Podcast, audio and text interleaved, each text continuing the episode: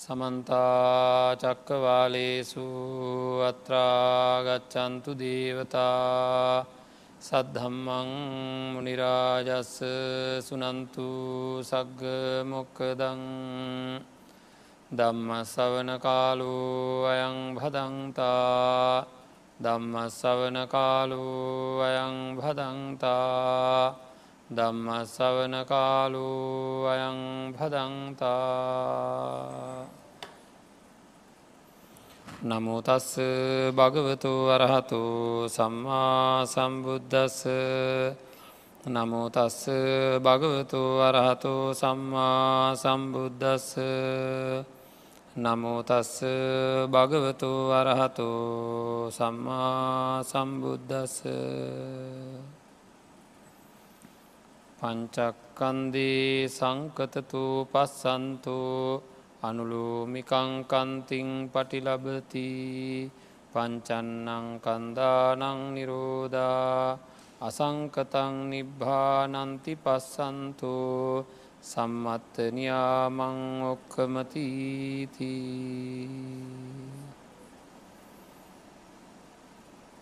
සදා බුද්ධි සම්පන්න පින්නත්න්නේ සම්මා සම්බුදුරජාණන් වහන්සේ දේශනා කරපු ආකාරයට අපේ ජීවිතය සකස් කරගන්නේ නැතුව අපේ මනස ඒ ධර්මය නැගිලා එන විදිහට ලෝකය නිවැරදි විදිහට අරමුණු වෙන විදිහට අපේ මනසිකාරය සකස් කරගන්නේ නැතුව මේ ජීවිතය සාර්ථක කරගණ්ඩ සසර සූපත් කරගණ්ඩ දුකෙන් නිදහස්සෙන්ට පුළුවන්කමක් ඇත්තේ නැහැ. ඉඳ අපි හැමෝම කල්පනා කරගණ්ඩෝ නෑ අපි ධර්මශ්‍රවනය කරලා බුදුරජාණන් වහන්සේ දේශනා කරපු ආකාරයට අපේ ජීවිතය පිළිබඳ තේරුම් අරගෙන මේ ජීවිතය සාර්ථක කරගෙන සසර සූපත් කරගෙන මත් උතුම් නිවනින් සැනසෙනවා කියෙන අධිෂ්ඨානය ඇති කරගන්න ඕන. මේ දිනවල අපි සාකච්ඡා කරමින් ඉන්නේ මහා චත්තාලී සාකාර භාවනාව පිළිබඳ කෙරෙන අවසාන භාගිය ධර්ම දේශනා කීපයට අද අපිට සාකච්ඡා කරන්න තියෙන්නේ පංචස්කන්දය සංකතතෝ හේතු නිසා හටගන්න දෙයක් කියන එක පිළිබඳව නුවනින් විමසන්න පංචක් කන්දේ සංකතතෝ පස්සන්තෝ අනුලෝමිකං පටි ලබති. අපි හැමදාම මේක අනුලෝමිකං කන්තිං පටි ලබති. අපි මේක දැන් විස්තර කරගෙන තියෙනවා අනුලෝමික ශාන්තිය ලබාගන්නවාය කියන එක. එයාට අනුලෝමික ශාන්තිය ලැබෙනවා කියලා. තුරේ නම් පංචස්කන්දය හේතු නිසා හට ගන්න දෙයක් කියලා. පින්නත්න මේ පිළිබඳව අපි මේක දැනෙන විදිහ පිළිබඳව හොඳට තේරුම් ගණ්ඩ ඕනෑ. මේක ඇවිල්ලා මේ අපි තුළ ඇතිවිය යුතු චේතනාව. හේතු හින්ද හට ගන්න දෙයක් කියෙනෙ ඉතින් කිව්හම තේරෙනවා. නේද. කිව්වහම තේරෙන එකයි ඒක දැනෙන එකයි කියන්නේ දෙකක්. හරි කිව්වහම තේරෙන එකයි ඒක දැනෙන එකයි කියන්නේ දෙකක්. ඉතින් එන්නේ දැනෙන විදිහට අපේ හිත සකස් කර ගණ්ඩ ඕනේ. එතකොට අරමුණු වෙනකොට ඒ දේ තත්ත්වාකාරයෙන් අපිට දැනෙන්ට ඕනේ. අරමුණු වෙන දේ නියමාකාරයෙන් දැනෙන්ඩ ඕනෑ ආන්ගේ දැනෙන විදිහට අපි අපේ මනස්කාරය සකස් කර ගණ්ඩ ඕනේ. මේක මොකක්ද මේ කියන කාරණාව කියලා අපි පොඩ්ඩක් විමසල බලමු. හොඳින් විමසල බලමු. අපි කිව්වොත් hm? තේකක් හදනවා ඇත හොද්දක් හදනවා. හොද්දේ රසය කියලා කියන්නේ. හොද්දේ රසය කියලා කියන්නේ මේ මොනවා හින්දා හටගන්න එකක්ද. ඒකට එකතු කරන දේවල් හින්දා. එකතු කරන දේවල් වෙනස් කරනකොට රසය වෙනස් වෙනවා. එකතු කරන දේවල් වෙනස් වෙනකොට රසය වෙනස් වෙනවා. එතකොට කවුරු හරි හොද්දක් හදල හොඳ රසට. අපි කියනවා ඒ මෑනියන්ට මේ විදිහම රස හොද්දක් මට ඕනෑ. පුළුවන්ද හදන්ඩ අයසරයක් ඒකම. බොහෝම කලාතුරකින් තමයි ඒක වෙන්න ජාති කීපයක් එකතු කරලා ජාති කීපයක් එකතු කරලා හොද්දක් හදනවාද ආන්ගේ අනුව තමයි ඒක ප්‍රතිඵලය තියෙන් නේද තොර මිශ්‍ර වෙලා ජාති කීපයක් මිශ්‍ර වෙලා හැදෙන හොද්ද ඒ විදිහටම හදනවා කියන එක සිද්ධ වෙන්නේ නැති තරමටම සම්භාවිතාව බොහෝම අඩුයි ආය ඒකම සිද්ධ වෙන්ට තියෙන. අන්න ඒ වගේ තමයි අපිට මේ ලෝකය දැනෙන්ඩ ඕනෑ. මේ පංචස්කන්ද ලෝකය අපිට දැනෙන්ඩ ඕනෑ පින්නත්න අන්න ඒ විදිහට. එහෙම දැනෙන්ඩ ඕනෑ කියලා බලමු අපි. පොඩ්ඩක් ඒ දැනීම අපේ ඒ කියන්නේ හොද්දේ රසය වගේ අපිට දැනෙන්ඩ ඕන මේවා පොඩ්ඩි දෙයක් වෙනස් වෙනකොට රසය වෙනස් වෙනවා. නේද? ලුණු පොඩ්ඩක් වැඩි කරපු ගමන් මුළු රසය වෙනස් වෙනවා. මිරිස් පොඩ්ඩක් වැඩි කරපු ගම රසය වෙනස් වෙනවා. නේද? පොඩි දෙයක් ජාති කීපයක් එකතු වෙලා යමක් හැදෙනව නං එක හැදෙන්ට හේතු වෙන දේවල් වල පොඩි වෙනසක් වෙච්ච ගම හැමදේ වෙනස් වෙනවා. නේද? ඒක එහෙම නේද? තමන්ගේ මගේ කියලා බලාපොරොත්තු ඇතිව බලාපොරොත්තු තියාගෙන ඉන්න දේවල් මේ ලෝකෙ තියෙනව දන්න. තමන්ගේ ශරීරය ගැන? අඩුම තරම. ශරීරය ගැන බලාපොරොත්තුවන් නැද්ද? ඇයිතකොට විවාහ වෙනකොට එම පොරොන්දුවත් දෙන්නේ? නේද? විවාහ වෙනකොට දෙන පොරොන්දුව මං මැරණකම් බලාගන්නන් කියලාද? නැත්තන් ඉස්සර එහ පැත් එක්කෙන මැරණකම් බලාගන්න කියලා බලන්ඩේ පොරොන්දුව කොහොමද කියලා. කොහොමද පොරොන්දු දෙන්නේ? එහ පැත් එක්කෙන එතන උපකල්පනයක් තියෙනවා ඔහේ මැරණකම් මං ඉන්නවා කියලා. ඇයි පැත් එක්කෙන මැරණකම් බලාගන්න කියලා කියන්න? එතර මොකක් ගැන විශවාස තිලද කියන්න? මේ ශරීරය ගැන විශවාස තිල කියන්න? නේද? එතට අපිට අපේ ශරීර ගැන විශ්වාසයක් තියෙනවා. ඊළඟට ආදරය වගේ දේව අපි පස්සේ වෙන්කරගමකෝවා දැනට. නද? බලාපොරොත්තු විශ්වාහතියාගෙන ඉන්න තියෙන දේවල් ගැන බලමු. දරුවන් හදනකොට හුඟක් දෙනාට බලාපොරොත්තුවක් විශ්වාසයක් තියෙන මොකක්ද? අනාගතයේදී සලකයි. අනාගතයේදී මේ දරුව අපිට සලකනවාය කියල විශ්වාසයක් තිනවද නැද එතකොට ගොඩක් ආදරය කරනය ගැන තියෙන විශ්වාසයමකක්ද තව කෙනෙකුට ආදරේ නම් ඒ ගැන තියෙන විශ්වාසය කොහොමද? මොකක්ද අනිවාර්යයෙන්ම මේක වෙනස් වෙන්නේ නෑ වගේ කියලා විශ්වාසයක් තියෙනවා. එතකොට දරුවන්ගේ ආදරය ආදිය අපිට අහිමි වෙනකොට. ඒ අහිමි වෙන ආදරය නිසාවෙන් මොකද සමහර වෙලාවට ගොඩාක් දුක් ඇති වෙන්නේ ඇයි. ඇයි දුක් ඇති වෙන්නේ. බලාපොරොත්තු තියෙන හින්දා බලාපොරොත්තු කැඩිච්ච හින්දා. එනම් බලාපොරොත්තු කැඩුනේ ඇයි බලාපොරොත්තු තිබ හිද බලාපොරොත්තු තිබ්බේ ඇයි වෙනස් වෙන්නේ නැතිවෙයි කියලා. ඊළඟට තව කෙනෙක් එක් අපිට ගොඩා තරහ යන්නේ ඇයි මට පුළුවන්න මොකද එයාට බැරි කියලා. මට පුළුවන්න එයාට බැරි ඇයි කියලා තරහ යන්නේ ඇයි. හේතු නිසා සකස් වෙන බව දන්නේ නැති හින්ද අපේ හිත ඒ බව වටහාගෙන නැති හිද ඒ කෙනට වගකින් බාර දෙනවා අපි. යමක් සංකතයි කියලා දැනුවන පින්නන්නේ කාටවක්ත් වගකින් බාරදට බෑ. දේදුන්නේ පාට අඩුනා කියලා දේදුන්නට බයිනෝ දපේ. හදිසේවක්වත් අපි දැක්ක දේදුන්නක් තිබම නේද ටිකක් වෙලා තිය කියලා හිතුව ම දැම හොඳර පාට වෙලා කියලා දේදුන්නට බයින්න ඇත එක දේදුන්නට අයිති නැති බව අපි හොද්දටම දන්න හින්දා. ඒ ගැනයි වචනෙන්වත් කියන්න දෙයක් නෑ අපේ හිතට දැනෙනවා තේරෙනවා මේක නේද මේක දේදුන්නේ වැඩක් නෙවේ කියලා. අන්නේ වගේ අපි එකින් එක අරගෙන පොඩ්ඩක් බලමු අපිට ජීවිතයේ හම්බෙලා තියෙන දේවල් පිළිබඳ අපිට බලාපොරොත්තු වගේයක් ඇති වෙලා තියෙනවා. ඒ බලාපොරොත්තු ඇති වෙලා තියෙනවා සැරෙන් සැරේ සැරෙන් සැරේ කැඩෙනවා. අන්න ඒ කැඩෙනකොට අන්න ඒ කැඩෙන තත්ත්වයන් ඇති වෙනකොට අපි හරියට පීඩාවට පත්වෙනවා. පීඩාවට පත්වෙන්නේ මේ කැඩෙන්නේ ඇයි ඒවා හේතු එකතු වෙලා සකස් වෙන හින්දා. හේතු නිසා සකස් වෙන හින්දා. තොට හේතු නිසා සකස් වෙන දේවල් හේතු නැති වෙනකොට නැති වෙනවා. ඒක සකස් වෙච්ච දේට අයිතියක්වත් නෑ. මේක අපි පොඩ්ඩක් විමසලා බලමු. මේ කාටරි අදහසත්තින තවරු දෙක් යනකට මගේ ශරීරයේ හැඩේ මගේ මූුණේ හැඩේ මෙන්න මේ වගේ වෙන්ඩෝනය කියලා. ඇයි මගේ නෙමූුණ මට මේක මටෝන හැට හදාගන්න බැරිය. අපි එක එක්කෙන එක එක්කෙන එක එක්කෙන එක එක විදිහ වෙලා ඉපදිලා. ශරීර ඇයි දන්න. ශරීරයේ හැඩතලයට හේතුවෙන කාරණ හතරක්. කර්ම චිත්ත රිතු ආහාර කියලා. හරිද. කර්මචිත්ත රිතු ආහාර කියන කාරණා හතර හේතු වෙලා එකතු වෙලා මේ මේ ශරීරයක් හැදිලා. හරි.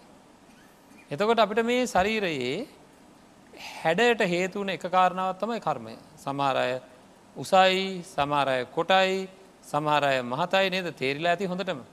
සමහරය හරි මහතයි හැබැ කන්න පොඩ්ඩ පොඩ්ඩ හරිද? එයාගේ මහතට හේතුව කෑම නෙවේ බව හොඳටම දන්න එ ආහාර නෙවේ හේතුව. වෙන දෙයක් වැඩි වෙලා නේද? සමහරය හරි කෙට්ටුයි ගොඩා කනවා මහත් කරගණ්ඩම බෑ. මොනව කරත් මහත්වෙන් බෑ. සමහරය කෑම හින්ද මහත්වෙන අයත් ඉන්නවා. සමහරය එහෙම නෑ.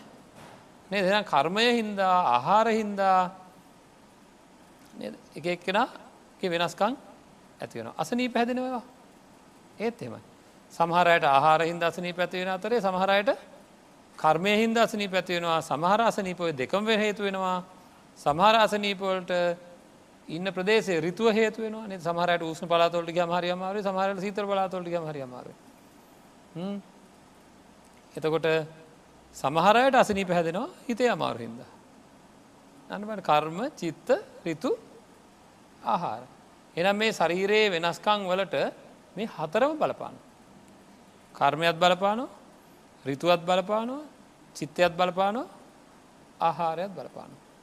හොඳට ඉන්නගෙනට එක් පාටම තරහගිය ගම මූුණ යකෙක් යසනයක් වගේ වෙන මේ හොඳට තිබ මූුණ. උනේ කොහෙ වෙනස් වෙලාද.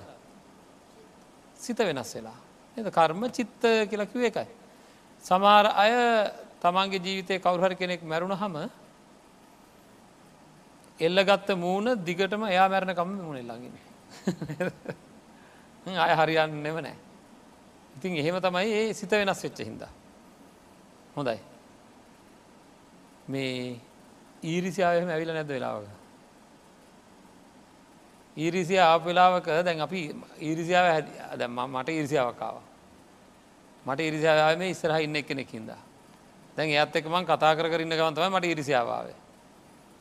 දැම්මං හොඳරම දන්නවා මෙයා මේක කියනකොටම මගේ මූුණ වෙනස් වනා කියලා ලොක උත්සාහයක් මරන්න ඇද වෙනස් වනේ නෑවගේ පෙන්න්නට නේද? පුළුවන්ද? හැබැයි ඒ කට්ටි දැනගන්නවා මගේ ජයග්‍රහණය ගැන කියනකොටම හවලාගේ මූුණ වෙනස් වුනා කියලා අපිත් දැනගන්නවා නේද?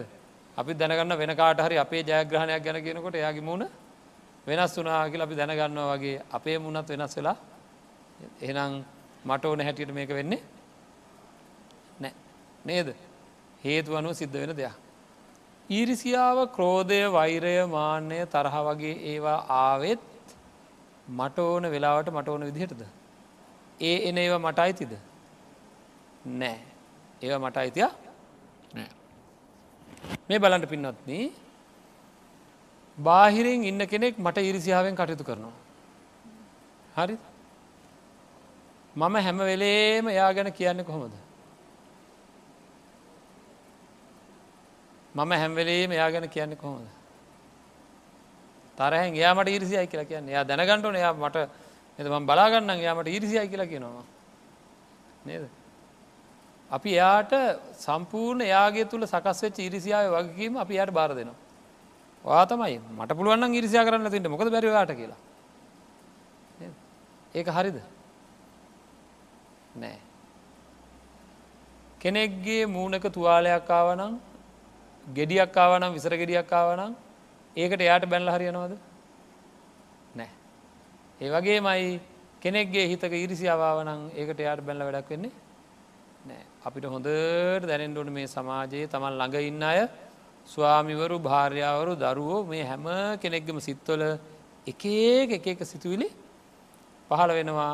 ඒ පහළ වෙන කිසිදු සිතුවිල්ලක අයිතියක් යාලට ඇත්තේම නෑ. ඇත්තේම නැති බව අපිට දැනෙන්ඩෝ නෑ හැගෙන්ඩුවන හරිට තුවාලයක් කාප වෙලාවක් වගේ. හරිද? තුවාලයක් කාපු වෙලාවක එයාට ඒ තුවාලය ගැන මට තරහයන්න ඇත් එක්ක. නේද? ආංගේ වගේම ඒ අයගේ මුහුණුවල වෙනසක් ඇති වුණේ ශරීරයේ වෙනසක් ඇති වුණේ එයාට අදාළ නැති සිතුවිලි වගේ ආපහින්දා හේතු අනුව තමයි ඒක වෙනස් වුණේ. ඒක එයාට පොඩ්ඩක්වත් අදාළ නැති බව මට දැනෙන් ඩෝනෑ එතකොට කවුද නිදහස් වෙන්නේ? මමයි නිදහස් වෙන්නේ. ඉතින් ඒ වගේ අපිට මේ පංචුපාදානස්කන්දය හේතු නිසා හටගන්න බව හොඳට දැනෙන දැ රූපය හේතු නිසා හටගන්නවා. නේද? ඒ අපිට දැන් හොඳට තේරෙනවා. කර්ම චිත්ත රිතු ආර් චිත්ත කියන එකත් ඒ ඒ කෙනට අයිතියක් ඇත්තේ නෑ එතුට ඒව හැම වෙලේම වෙනසට භාජනය වෙනවා. ඕක දැනගත්ත ගමන් මට කිසිම ශරීරයක් පිළිබඳව ස්තීරව මගෙත් එක්ක මගේ ළඟ හැමදාම රැදෙයි කියලා බලාපොරොත්තුවම ඇතිවෙයිද එනම් කැලෙන බලාපොරොත්තු ඇති වෙන්නේ කොයි වෙලාවකරි මං මේ ආශ්‍රය කරන ශරීර ගල් ගෙඩි වගේ වෙන්න පුළුව. එයාගේ කර්මයසය වෙච්ච ගමන් ගල් ගෙඩිය වගේ හරට වැටන මොනවා කලාවක බේරට බෑ. එතකොට එහෙම ශරීර පිළිබඳව මට බලාපොරොත්තු ඇති වෙයිද? ඒක දන්නවන. කොයි වෙලා වෙනසකට භාජන වෙයි දන්න තිමං කොහ බලාපොරොත්තියාගෙන ඉන්නේ. නේද? මගේ බලාපොරොත්තුමකක්ද දේ දුන්න ගැන වගේ. දේ දුන්න අපේ දරුවෝ නැගිටලා එලියට එනකන් තිබ්බොත් හොඳයි. එච්චර මෙයාගේ ශරීරයේ තව අවුරුදු කීපයක් තිබ්බොත් හොඳයි. මට ඒක අයිතියක් නෑ මට අල්ලාගන්නට බෑ මට තිය අයාටවත් එක අල්ලගන්නඩ බෑ ඒකින්ද ඒ පිළිබඳ දැඩි ගැනීම් අයිගෙනවා පින්වත්නී සංකත බව දන්නයට. හරිද ඒ පිළිබඳව ඇත්තරම සංකත බව දන්න අයට කියන්නේ කවුද පටිත් සම්පාදය අවබෝධ වෙච්ච අය ඒ වගේම හරියටම සංකත බව දන්න අය කියන සෝවාන් පුද්ගලයා. හරි හේතු හේතුත් එක්ක මේ පිළිබඳ දැනීමක් තේරීමක් වැටහීමක්. ඒක අවබෝධයක් එක වැටහීමක් බව අපි හොඳින්ම තේරුම් ගණ්ඩුවන මොකක්ද මේ කියන කාරණාව කියලා හොඳින්ම තේරුම් ගණ්ඩෝ නෑ මේ අපේ හිත්වලට ඇතිවෙන්ඩ ඕන හැඟීමක් මේක. හරිද? මේ භාවනාටික ඔක්කගේ මෙහෙමයි වචනය නෙවෙයි. ඒ වචනයට අදාළ හැකි වදකතෝකු හම පංචුපාදානස්කන්දය වදකෙක් වගේ කියලා දැනෙන්ට ඕනේ. හරි දුක්කතෝ කියනට පංචුපාදානස්කන්දය දුකක් වසයෙන් දුකක් වසයෙන් දැනෙන්ට ඕනේ. එතකොට ඒ වගේ තමයි හැම එකක්ම එහෙමයි අපි සාකච්ඡා කරපු අනත්තතු කියනකට අනාත්ම වසයෙන් දැනෙන්ට ඕනේ. එතකොට සංකතතෝ කියලා අපි දැම් මේ කතා කරද්දී ඒවා හේතු නිසා සකස් කර සකස් වෙන දේවල් බව අපිට දැනෙන්ඩෝ නෑ කියන එකයි හරි වේදනා පැතර පොඩ්ඩක් යඟ බොහෝ දේවල් කතා කරලා තියෙන මේ ගැන මගේ ඇහැකන නාසය දිව ශරීරය මනස හේතු වෙලා නොයෙකුත් වේදනාවල් හැදෙනවා. ඒ වේදනාවල් ඇහැ කන නාසය දිව ශරීරය කියනේවාගේ ඇතිවන්න වූ වේදනාවල් හේතු ඇතුවද සකස් වෙන්නේ හේතු නැතුවද සකස් වෙන්නේ. මනෝ සම්පස්සජ ඇතිවන්න වූ අර චක්කු සම්පස්සජ වගේම සෝත ගාන ජිව්‍යා කියන ඒවා වගේම මනෝ සම්පස්සජ ඇතිවෙන්නේ හේතු ඇතුවද හේතු නැතුවද හේතු ඇතුව. චක්කු සම්පස්සය කියන එක තුළෙන් ඇතිවෙන්ට සම්පස්සය කියන්නේ ඇහැත් රූපයත් විඤ්ඥානයත් කියන තුනේ එකතුව. එතකොට රූපය ඒකට යෙදෙන ප්‍රමාණයත් ඇහෙන් කරන කෘත්‍යයත් විඤ්ඥානයෙන් කරන කෘත්‍යයත් තුනම එක තුනහම තමයි එතන චක්කු සම්පස්සජ වේදනාවක් හැට හටගන්න. එතකොට ඇහැ කියන එක නිත්‍යව තියෙන දෙයක්ද නෑ වෙනස් වෙන දෙයක්. රූපය කියනක නිත්‍යව තියෙන දෙයක්ද. නෑ හැඹලේම වෙනස් වෙන දෙයක්. එනම් ඒ දෙක නිසා හටගන්න විඤ්ඥානය නිත්‍යද ඒකත් වෙනස් වෙන එකක් කියන හැමිලේ වෙනස් වෙන එකක් ඇයි අර දෙක හින්ද හටගන්න එක වෙනස්. එතර ඒ තුන එක තුලා හටගන්න ස්පර්ශය හැමිලේ වෙනස් වෙන එක. නේද? ඒනං අන්නේ ස්පර්ශජ වේදනාව මට නවත්තන්න පුළුවන් එක නෙවේ මේ අපි ඕන තරම් අත්දැකල තියෙනවා. හරිද මේක තේරුම් ගන්න අපි වැඩි වෙලාවක් ගන්නතු මනෝ සම්පස්සජ වේදනාවක් ගැන කතා කරම් පොඩ්ඩා මං අර හැමදාම කියන්නේ කවුහරි කෙනෙක් අපේ ශරීරය ඉතාම සෞම්‍යය මේ විදිර ස්පර්ශ කරනවා. ඇති වෙන්නේ සැපවේදනාවද දුක්වේදනාවද. සැපවේදනාව. හොඳට විශ්වාසද. හොඳට විශ්වාසද. අකමැති කෙනෙක් නම් ස්පර්ශ කරේ. අකමැති කෙනෙක් නම් ස්පර්ශ කරේ. එතකොට ඇති වෙන්න මොන වේදනාවද. දුක් වේදනාව හොඳට විශ්වාසද. ඒත් සැප වේදනාව. එහෙමට බෑනි හාමුදුරුවනේ. හරි. අකමැත්ත කියන එක හැදෙන්නේ ශරීරයේද හිතේද. අන්න හරි. තකොට තේරුම් ගත්ත හැකි. හරිද. එනම් කාය සම්පස්සජව ඇතිවෙන්නේ සැපවේදනාවක් මයි මනෝ සම්පස්සජ ඇතිවෙන්නේ ප්‍රබල දුක්වේදනවා. මේකින් වැඩිය ප්‍රබල කෝකද. මනෝ සම්පස්සජයකයි. හරි ආං එතකොට මට අර කාය සම්පච්ච සැපවේදනාව අයින් වෙලා අයින් වෙලනේ කාය සම්පස්සජ සැපවේදනාව අභිබවා මනෝ සම්පස්සජ දුක්වේදනාව ප්‍රබල වෙන හින්දා අකමැති කෙනෙක් ස්පර්ශ කරනකොට දැනෙන්නේ දුකක් නුරුස්තනකමා. කැමති කෙනෙක් ස්පර්ශ කරනකොට ඇතිවෙන්නේ අපිතම කවුහර කෙනෙක් මෙහෙම ඇන්න. ඇන්න හම ඇතිවෙන්නේ සැපද්ද දුකක්ද. ඇන්න කැමති කෙනෙක්න. ඒත් දුකක් නේද. එතරින් ඔන්න හොයාගත්ත ඇන්නේ කැමති කෙනෙක් නම් දුකක්. නමුත් එයා ගැන තියෙන කැමැත්ත හින්ද මට සතුටක් ඇතිවුණ නමුත් ඇන්න හැට්ටකටගන්න අන්න කායික දුක්වේදනාව ප්‍රබලයි එතකොට. නේ එතකොට දුක දුක විදිහට දැන්න පේනද ප්‍රබල එක තමයි.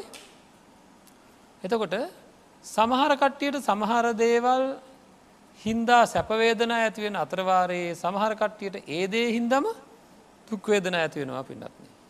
ඒ මොකදේ.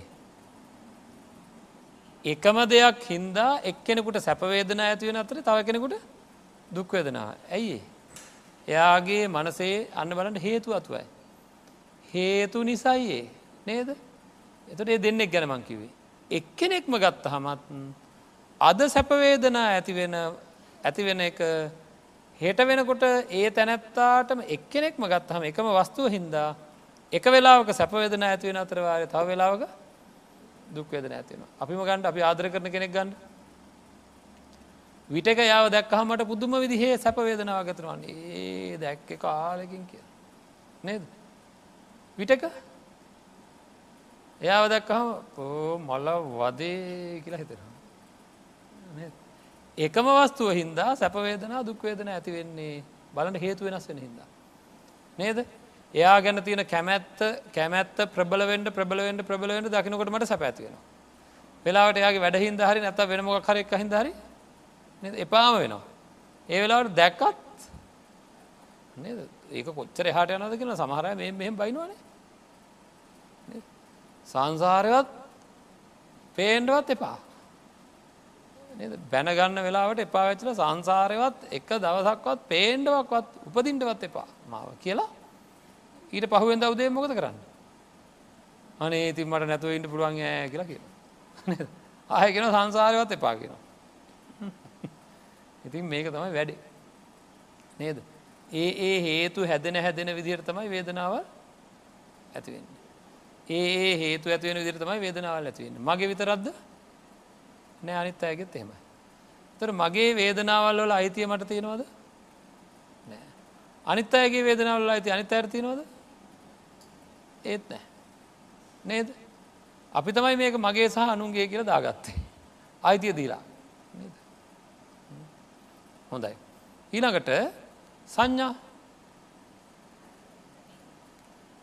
ඒත් එහෙමයි. නේද එක එක එක එක හඳුනා ගැනීම අපේ සන්තානවල ඇතිවෙන්නේ එක එක හේතුන් ඒ අතීත හේතුන් වර්තමාන හේතුන් හේතු වෙලා ප්‍රත්‍ය වෙලා එකතු වෙලා නොඒකුත් සංඥාපිට ඇතිවෙන දෙමන් හැමදාම කියන දොස්තර කෙනෙක් දොස්තර කෙනෙක් ලෙඩෙක් පරික්ෂා කරනකොට ලෙඩේ පිළිබඳ සංඥාවයාට එන අතරවාරේ දොස්තර නොවන කෙනෙක් ලෙඩේ පරික්ෂා කරොත් එයාට සංඥාවවෙන්නේ නැහැ. හේතු එයා ඒක ගැන ඉගෙනගෙන ඔයිට කලින් සිතුවිලි පහල කරලා නෑ. ඒක නිසයි. ඉති එනම් සංඥාත් හේතු නිසා හටගන්න එකක් සමහර වෙලාවට අපි හොඳට කටපාඩන් කරගන්න යමක් විභාගට යන්න. විභාගට ගිල්ලා කලබලේ හින්දයි කලබලය කියනක යෙදුනා. නද නොසන්සුන්කම යෙදුනා. බය යෙදුනා. බයහින්ද නොසන්සුන්කං හින්ද කලබල හිද මොකද වෙන්නේ. අර මතක් කරප එක පාඩන් කරපය එන්නේ නෑ සංඥාව එන්නේ නෑ ආරයට. විභාගවරල ටිකක් වෙලා අද විභාගවරලා ගෙදර යනකවා අපෝ මේ පෝලිමට එන්ට පටන් ගන්න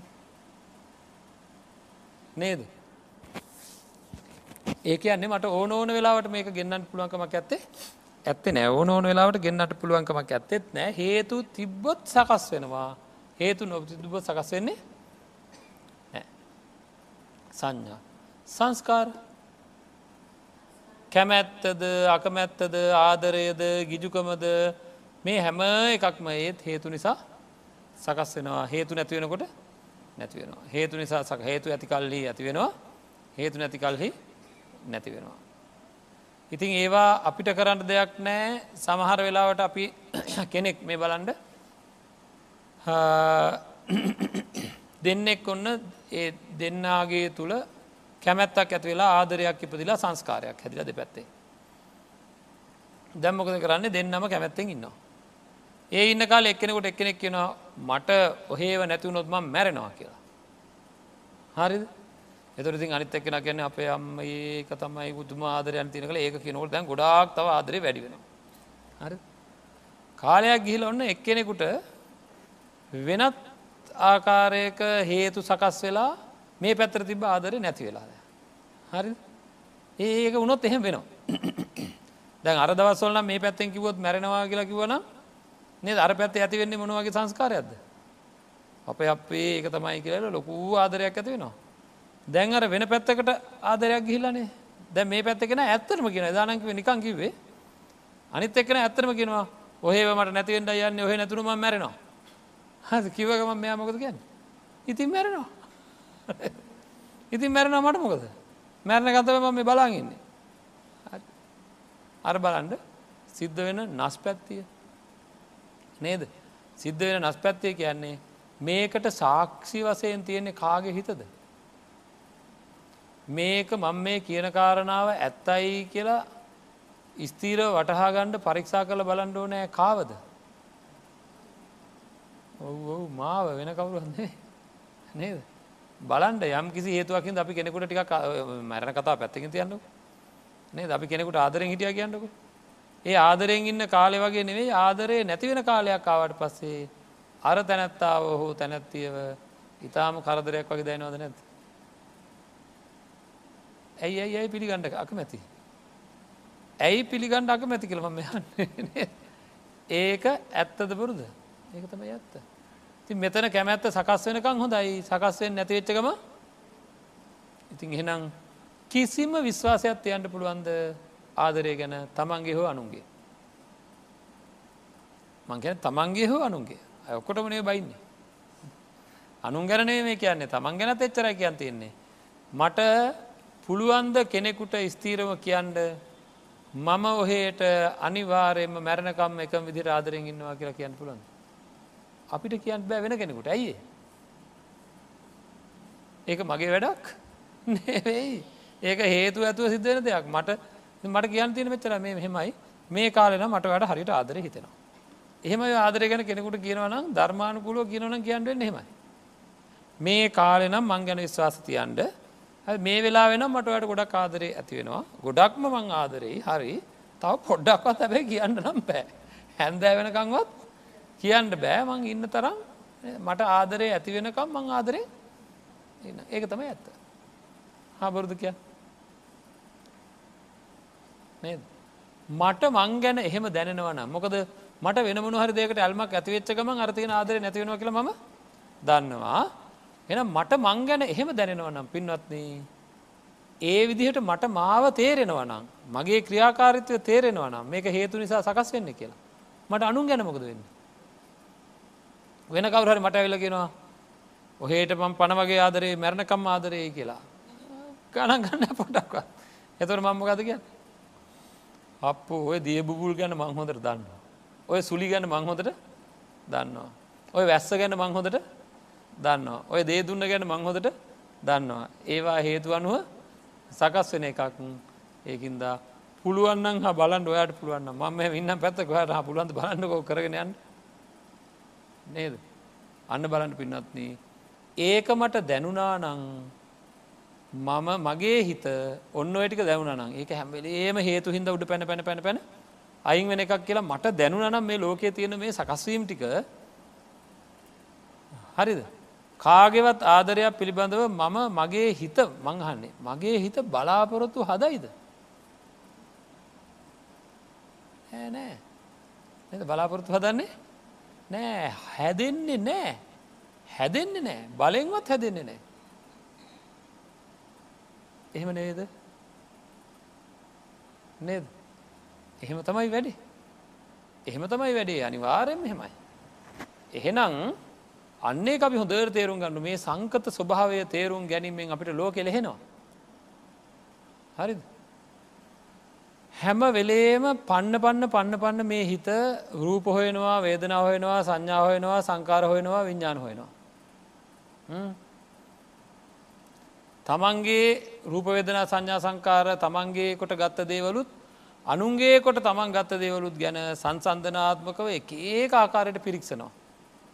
දිවරක් නැතු ආදරය හොය නො රූප වෙදන සංඥා සංකාර විඤ්ඥානකත නො සංකාරකෙන්ට ආදරහෙම වැටති ආදරය හොයනවා. නේද? මෙයා මට ආදරෙන්දී මෙයාගේ අනිත පෙන්න්නද මේ ආදරය දැන් වෙනස් වෙලාද? වෙනස් වීගෙන එන්නවද එහෙම පුළුවන්ද? නේද? ඕවා කිය කිය කිය කිය මේක හරීම ගාල ගෝට්ටයක්. හිත හැම හිතට වෙන වැඩක් නෑ. මේවා පිරික්ෂ නොමිසක්කා. නේද? පිරික්සල මොකද කරන්න? යනේ අපේ හොඳට හම්බ කරගෙන මහන්සි වෙලා ඉගනගෙන. හරිද? හරියට දුක් මහන්සි වෙලා සතුටෙන් ඉන්ට හදාගත්ත ජීවිතයේ ඊට පස ඉන්න කොහොමද? මූුණු එල්ලගෙන ඇති වුණා වගේ. ඇ බැරි මරගාත ඉන්න ඊට පස මොකද? අර ආදරය අඩු වෙලාන්න හරි. සමහරකට මොකද කරන තමන්ගේ දැ දැ උපාදිය ගණ්ඩ බලාපොරොත්තුව හිටිය අය. උපාදිය ගත්ත අය වෛද්‍යවරු වෙච්ච අය ඉංජිනේරුව වෙච්ච අය නළුව වෙච්ච අය නේද? කී දෙනෙක් නං ඔන්න ඇතුළෙන් ආපු සංස්කාරය තේරුම් ගණ්ඩ බැරුව දිවිනසා ගත්තද? කෝච්චිවලට පැන්නද? එල්ලිලා මැරුණද? කී දෙනෙක් නම්? ඒ මොකදේ? උගත් මිනිස්සුන්ට පවා මේක තේරුම් ගත්තේ නැතිහින්දා හරිද?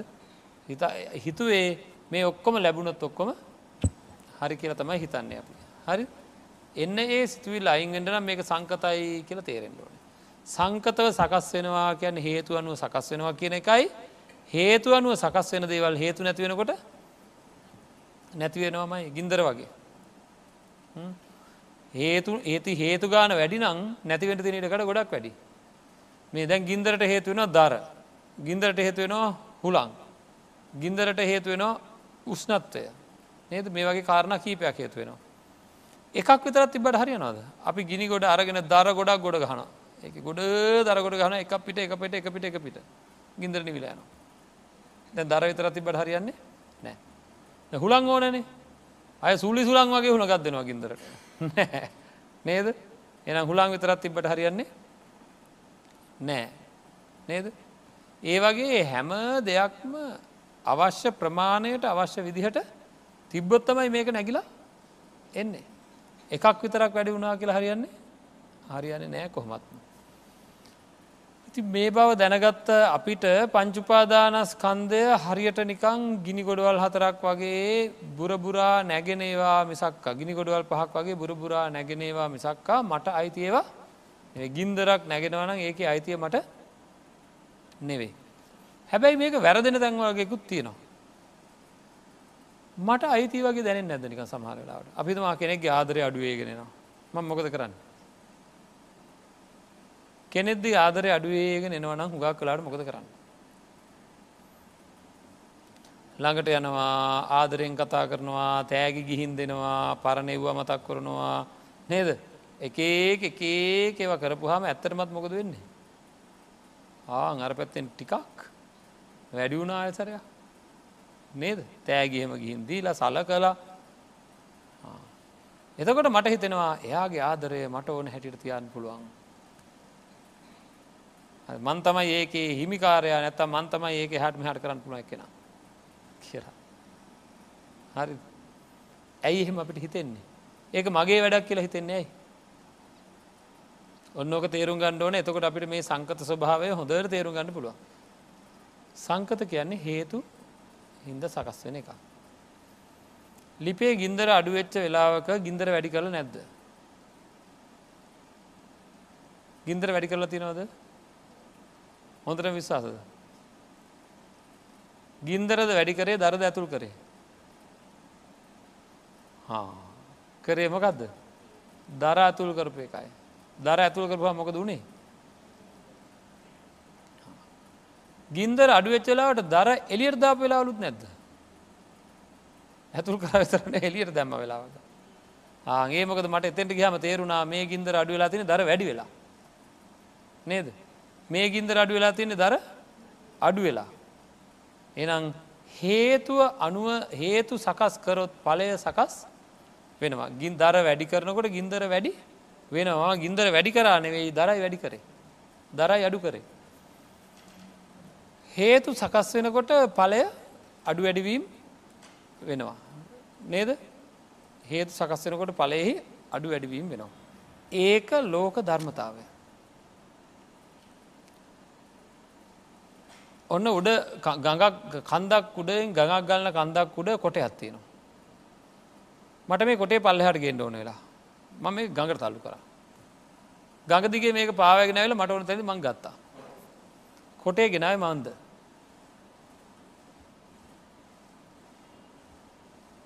කාටරි මං කියෙන අන්න මං උඩ තිබ කොටේ පල්ලහට අරඟාව එම කියන්නත් පුළන්ගේ මන්න වැඩ කරේ? මොකේට එකඟවද කරේ? ස්වභාව ධර්ම නීතියක් තියෙනවා ගඟ ගලන්නේ පල්ලෙහාටයි. නේද? ආගේ ගලන පැත්තට යමක් කරපුහාම ඒක සිද්ධ වෙන වෙලාවල් තියෙනවා. කෙනෙක්ගේ ආදරයක් අඩුවෙනකොට මං ආදරෙන්ගින් කතා කර තෑගි බෝග ගිහින් දුන්න. ආගේ ගලන පැත්තර තමයි එක් කරේ.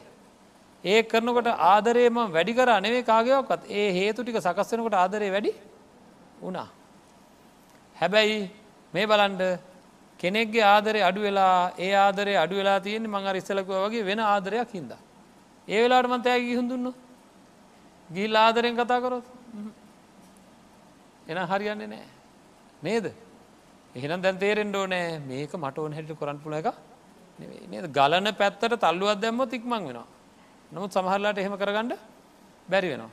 අන්න එහෙම ගලන පැත්තට යනවා මිසක්කා මට ඕන විදිහට මට ඕන වෙලාවට මට ඕන ආකාරයට කරන එක නෙවෙයි මේක. තේරුණාද? හරි.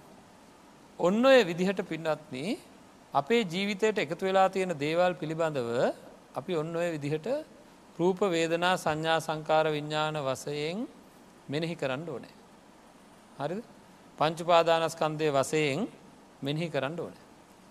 ඒවා මෙනෙහි කරනකට අපිට මේවා හොඳට තේරෙන්ට පටන් ගන්නවා. සමහර දේවල් හරීම අපූරු දේවල් මේ බලන් එක්කෙනෙ එක්කෙනකට බයිනවා. හරි කෙනෙක් කෙනෙකට බයින අපිතම පලවෙනි එක්න දෙවනි එක්නට බයිනවා. ඇයි ඇතරම් බයින්නේ. පළවෙනි එක්කෙනගේ තුළ දෙවනි එක්කෙනා ගැන රුස්සන්නේ නැති සිතුවිලි පහල වෙලා. දැ මෙයාට රුස්සන්නේ නැති සිතුවිලි පහල වුණා. පහල තින මෙ බයින්ට පටන් ගත කරක් නැතුවද ඇයි බයින්නේ? රුස්සන්න ඇති සිතුවිලි ඇති වෙනකොට එයාට ඇතිවෙන්න මොන ධර්මානුකූල විග්‍රහයකරොත් ධර්මානුකූලයක විග්‍රහ කරගත්තොත් පංචපාදානස්කන්දයට කල්ල බලන්න. රුස්සන් නැති දේවල් එයාට ඇහිච්ච හින්දා එයාගේ මනසේ දුක් වේදන හටගන්නවා එයට හරියට දරන්ඩ බැරි තරම් දුක්වේදන හටගන්න දැන්වන කායහර කියලන් ටික කහගෙන මේ ඇවිල තියෙන කියන්නක. එතකොට ඒවට හරියන් දෙවල්තම අර පැත්තේ වෙන්න. වෙනකට දැන් මෙහෙ මොකදගන්න පුපුරු ගහනවාගේ දුක්වේදන හටගන්න පටන් ගන්න දැන් මෙයා කැමතිද මේ දුක්වේදන තියාගෙන ඉන්ඩ ඒකද මොකද කරන්න? අර කියන මට මේ වචන ටික් කියනකං ඉවසිල්ලක් නෑ කියන්නේ. නේද? එහෙම හිතිලා මොකද කරන්නේ? අරයා දැකගම ඇතුළේ ඇති වෙන දුක්වේදනා වැඩිහින්ද මෙයා මොකද කරන්නේ? වේගෙන් කියල දාන කවුරත් කැමතින දුක්වේදන දරාගෙනට කියල දාපු ගමන් මොකද? හා දැ බොහොමොතයි බෝම සනීපයි දැන්. ඒක තමයි කිව්වේ. මේක ඒ පැත්තට කියන කොටම ඒ පැත්තේ මොකද වෙන්න? ඒ හිතේ දුක්වේදන හටගන්න පටන් ගන්න එතකොට මෙයා මොකද කරන්න? එයා අරිට වැඩිය දේවල් වගේයක් හරියටම අර දැල් පන්දු ක්‍රීඩාව වගේ. බෝලි පාස් කරනවා වැඩම් එක මේ දුක්වේද ඇතිනට දුක්වේද නැති හැපතට පාස් කර නේද? ඉරස එයාට හොඳරම දුක්වේදන ඇති වුණ. දැ මෙහට සනීපයි. දැගින්න මං කිව්වා කියලා. එතකට මොකද කරන්නේ? ඒ පැත්තේ දුක්වේදනට යට දරාගන්නට බැරිහිද එයා ආයසරයක් හරිට වැඩිය දේවල් වගේ කියවනවා කියනකට ඔන්න මේ පැත්තට අයාවා ඊට වැඩිය දේවල්ට කිව අර පැත්තෙන් දැගන්න හොඳට. එතර මේ පැත්ත ආයගෙන අරමක දැම මොකද කරන්න? ආය කියනවා. නේද?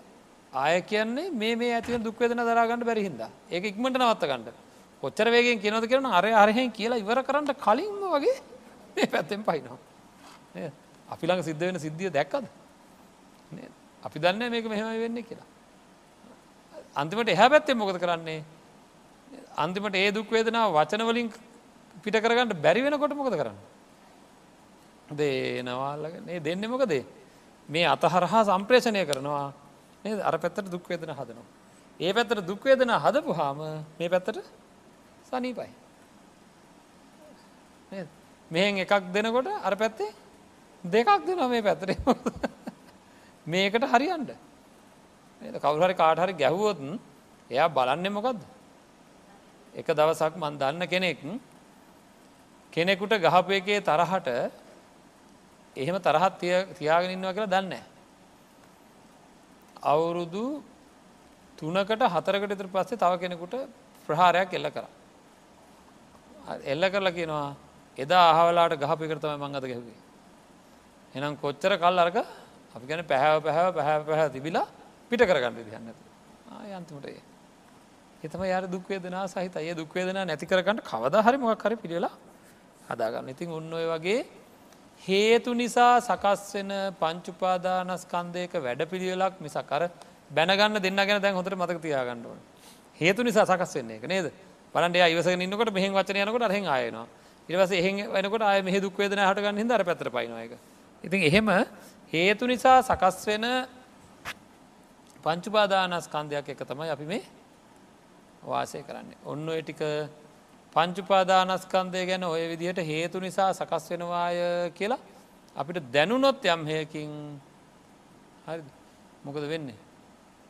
තේරුණොත් මේ පංචුපාදානස්කන්දය විශයෙහි අපේ හිත ඇදි ඇදී ඇදි ඇදී යන්න ඇදි ඇදී යන්න ආදරය දිගේ යන්නේ නෑ එක එක එක එක දේවල් දිගේ යන්න ශරීර දිගේ යන්න නෑ මේ හිත.